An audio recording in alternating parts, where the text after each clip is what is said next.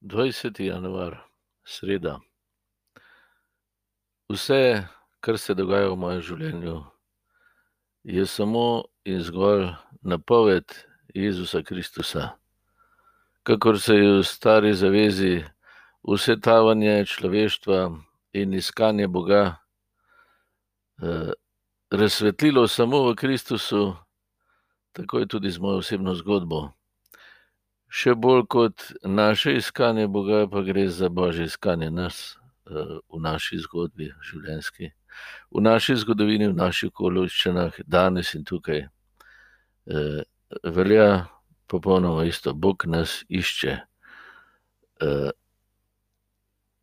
in zato danes v prvem bridu Hebrejcem predstavlja Kristusa kot duhovnika ki prihaja od Boga, se ni rodil ljudem, nima očeta in matere, ampak je eh, prinaša novost, ki je božja, ni zemljskega izvora.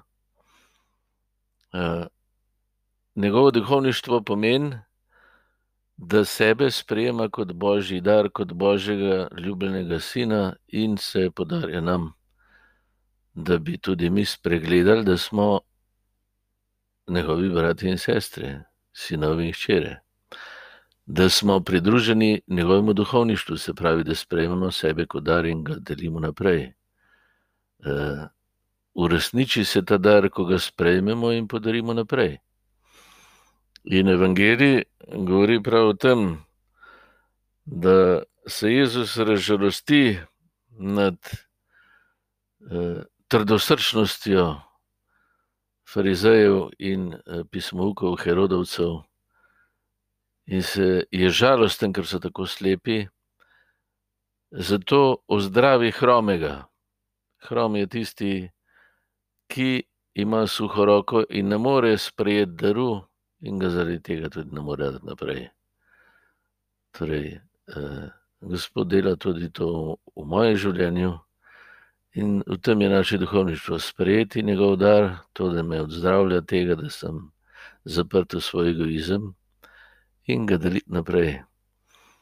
Bogu se pa lahko podarim samo tako, da se podarim vam, da sem z vami za vas.